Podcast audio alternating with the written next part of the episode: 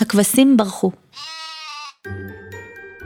בלילה לפני השינה, אמא אמרה לי, תספרי כבשים.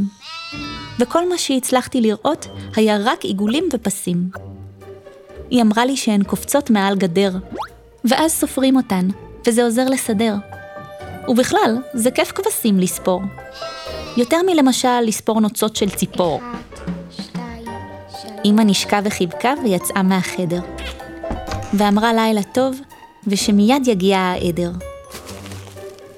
עדר כבשים שהולכות בנחת בשביל, ובצד הדרך ישנן כבשים שקופצות במקביל, ולהן אני צריכה להצמיד מספרים. ככה זה, שטויות של הורים. ואצלי בכלל התחיל בלגן. אני לא מצליחה לראות מכאן. איזו כבשה קפצה ואיזו עברה לה.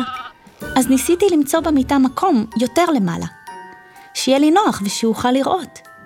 היו שם המון כבשים, אולי כמה מאות. אמא נכנסה לחדר ושאלה, למה על הכרית? אמרתי לה שזה מה שעושה שרית, כשהיא לא מצליחה לספור כבשים. אמא אמרה, מה אכפת מה אחרים עושים? אמא שוב הלכה, ואני חיבקתי חזק את הבובה. ועוד נותרה לי עבודה רבה. הרי אמא אמרה לי לספור כבשים, ואני בכלל לא יודעת לספור, ואיפה את הכבשים לשים. אז קראתי לאמא וביקשתי שתלמד אותי לספור, ואמרתי לה שכבשה אחת נכנסה למקום מסתור. אמא לא ענתה וצחקה. לא עברה דקה, אחד הכבשים קיבל מכה, וכל הכבשים החלו לברוח. אמרתי לאמא, הכבשים ברחו, ואין לי כוח. החלטתי שאני חייבת לערוך איתה שיחה, אבל קודם כל, אני רוצה לאכול ארוחה.